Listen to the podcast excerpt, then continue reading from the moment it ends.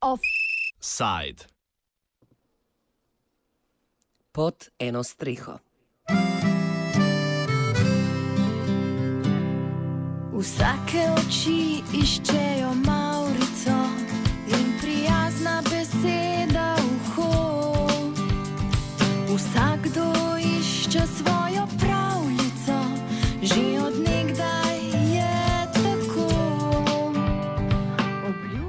Predsednik odbora za kulturo državnega zbora in poslanec SMC Dragan Matič je za 25. oktober sklical izredno sejo v zvezi z odločitvijo Ministrstva za kulturo, ki je samo sebe označilo za nepristojno pri odločanju glede prevzema družbe ProPlus strani družbe United Group. Pri tem je šel mimo poslancev levice, ki so k sklicu seje pozvali le nekaj ur prej. zavist doma.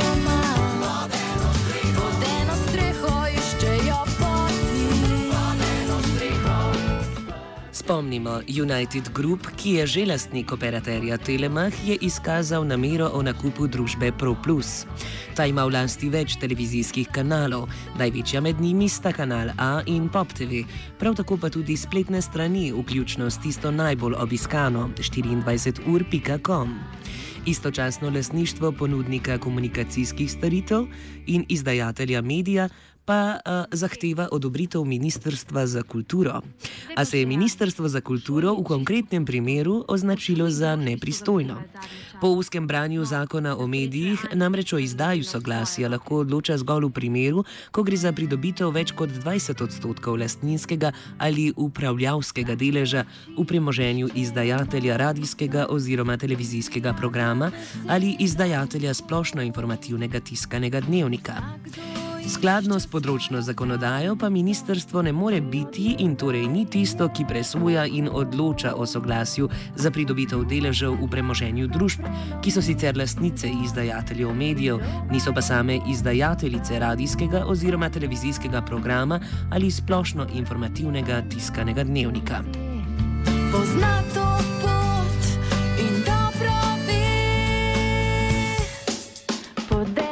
Poslanec levice Luka Mesec se z mnenjem ministrstva ne strinja in opozarja na možnost monopolizacije medijskega prostora v Sloveniji. Problem je v tem, da bi v bistvu to pripeljali Telemach in ProPlus pod isto streho. To pa sta na eni strani največji operater telekomunikacijskih eh, pač priključkov, tako optičnih kot kabelskih v Sloveniji, na drugi strani pa podjetje, ki pokriva 75 odstotkov televizijskega trga. S tem bi dobili na trgu monopol, ki ne bi bil škodljiv samo za telekomunikacijski trg, ampak nas v levici predvsem skrbi, kaj bi taka združitev, taka integracija pomenila za javni prostor in monopolizacijo medijskega in nasploh javnega prostora v Sloveniji. Podobne skrbi ima tudi medijska strokovnjakinja Sandra Bašič Hrvatin, ki označuje argument ministrstva kot absurden. Neletna posledica je ta, da, je, da ste vi danes odvisni za sprejemanje programskih vsebin od ponudnika poti, ki je običajno telekomunikacijsko podjetje. In če vi imate to telekomunikacijsko podjetje, ki obenem ustvarja v programe, je očitno, da bo to podjetje predvsem skrbelo, skrbelo, da vi kot potrošnik dobite tiste programe, ki jih on ima v lasti. To je problem. Telemach seveda ne obvladuje le televizijske ponudbe, pač pa tudi spletna omrežja. Telemach ima 44-odstotni tržni delež pri dostopu do interneta prek optičnega omrežja in dvotretinski tržni delež pri storitvah kabelske televizije. Slovenska in evropska zakonodaja zaenkrat sicer zagotavljata neutralnost interneta, kar pomeni, da mora ponudnik le tega zagotavljati iste pogoje in hitrost za vse vsebine. A določeni trendi v Združenih državah Amerike pa tudi v Evropski uniji gredo v nasprotno smer. Skratka, mi, se, mi, se, mi se prvič nahajamo v enem zgodovinskem obdobju, ko se lahko, mi- mislim, čisto, čisto tako za primerjavo. Predstavljajte si, da imate stotino časopisov in imate en časopis, ki ima edini tiskarno. In zdaj Predstavljajte si, pod kakšnimi pogoji bojo ostali časopisi prišli do tega, da v tej isti tiskarni, ki je vlasti nekoga drugega, ki pa nima interes, da bi vsem dal možnost, da to počnejo, tiskali svoje, eh, svoje časopise. Približno enako va, velja tudi za telekomunikacijska podjetja, s tem, da je zadeva še bolj problematična, ker je na to vezano tudi drugi načini uporabe, od telefonije, dostopa do interneta in tako naprej. Levica bo na seji izpostavila tudi dve potezi vlade, ki ju označuje za protizakonite. Prvo je, da je v zakonu, v zakonu o medijih jasno uh, predpisano, da uh, če nekdo prevzema um, firmo, ki ima vsaj 20 odstotkov lastništva v nekem mediju, mora za to dobiti soglasje minist Ministrstva za kulturo. Ministrstvo za kulturo tega soglasja ni dalo in uh, ga tudi ne bo dalo, ker minister Pršak pravi, da za to niso pristojni. To je seveda neumnost, um, zato so pristojni in to jasno določa zakon, ker uh, bomo pač tudi poskusili sklepom ugotoviti na uh, tem odboru za kulturo.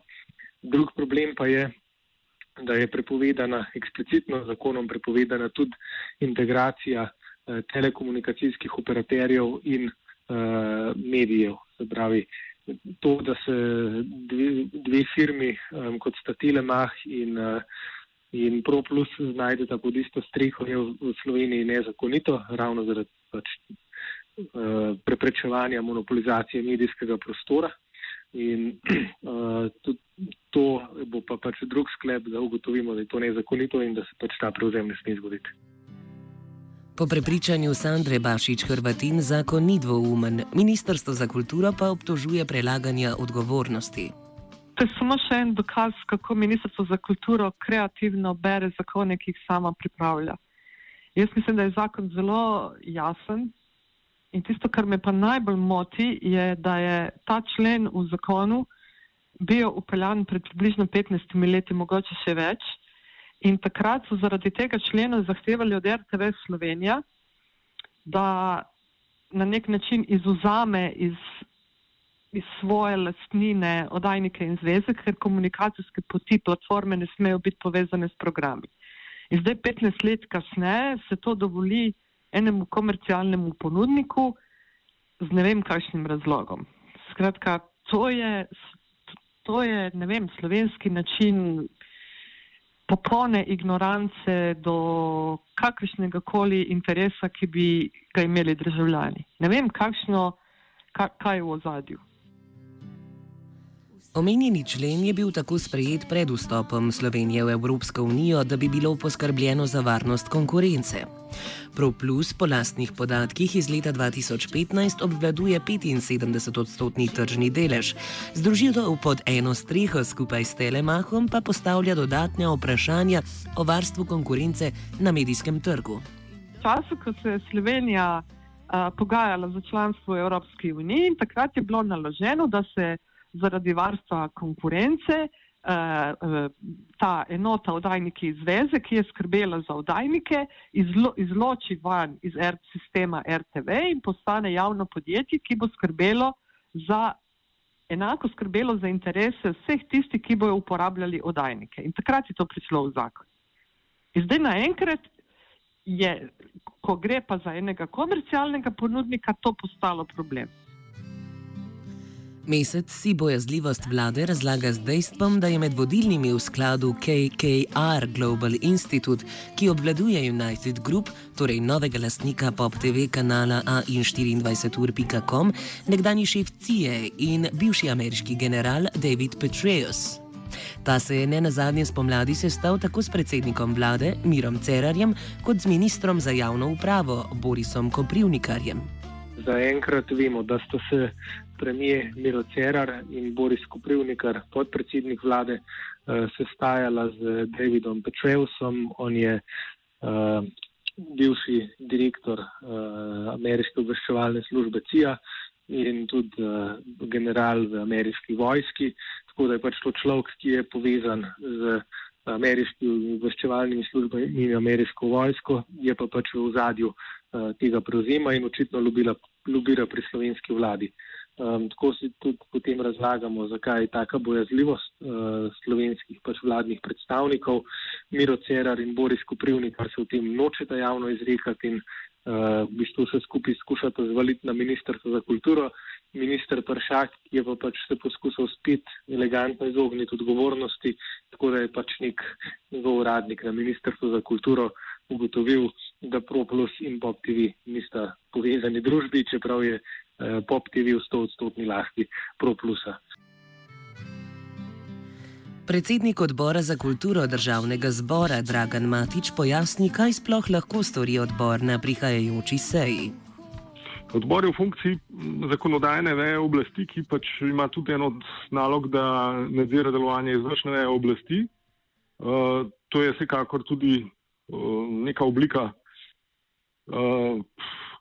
recimo temu političnega nadzora, ko se neka določena poteza strani izvršne oblasti problematizira, ko se lahko postavlja vprašanja in ko se lahko skozi to politično debato razkrije, kakšna je pravzaprav dejansko situacija in kakšni so motivi. Uh, konkretnem primeru Ministrstva za kulturo, ne, da je pač storilo to, kar je, da se preveri, ali obstajajo še kakšne uh, druge okoliščine, na katere pač nismo bili opozorjeni preko medijev. Ne na zadnje, tudi ko bomo dobili to dokumentacijo od Ministrstva za kulturo, bo mogoče še kaj več jasno. In temu je pač namenjena seja odbora, da se stvari najprej razčistijo javno. Drugo pa, da se spremljajo tudi sklepi, s katerimi sicer mi ne moremo direktno ukazati izvršni oblasti, ker to pač bi, pomen, bi pomenilo neposredno mešanje, lahko pa priporočamo oziroma izražamo neko, neke predloge oziroma pri, neka, neka pričakovanja, v katero smer naj se stvar vendarle razreši. In jaz mislim, da lahko s precejšno mero verjetnosti rečem, da bo odbor zauzel stališče, da ne pač vlada ne, v celoti, ne samo ministrstvo za kulturo, razmišlja o vseh možnih ukrepih, s katerimi bi eh, zaščitili javni interes na področju medijev. S komentarjem o predlaganju odgovornosti med državnimi organi današnji offside zaključi Sandra Bašič Hrvatin. Odbor lahko eh, razglablja o tem, kaj bi, če bi, ministrstvo pa ima vse vzvode v svojih rokah, da to, da, da to zadevo prepreči. In to je to, to, to tipično, eh, a veste, žoganje, da nihče nima nobene pristojnosti in odgovornosti, na koncu se stvari samo zgodijo. In ko se stvari zgodijo, potem pa se ta država odzove na to tako, da spremeni zakonodajo, s katero legalizira to, kar se je zgodilo. In to je tisto, če se jaz najbolj bojim.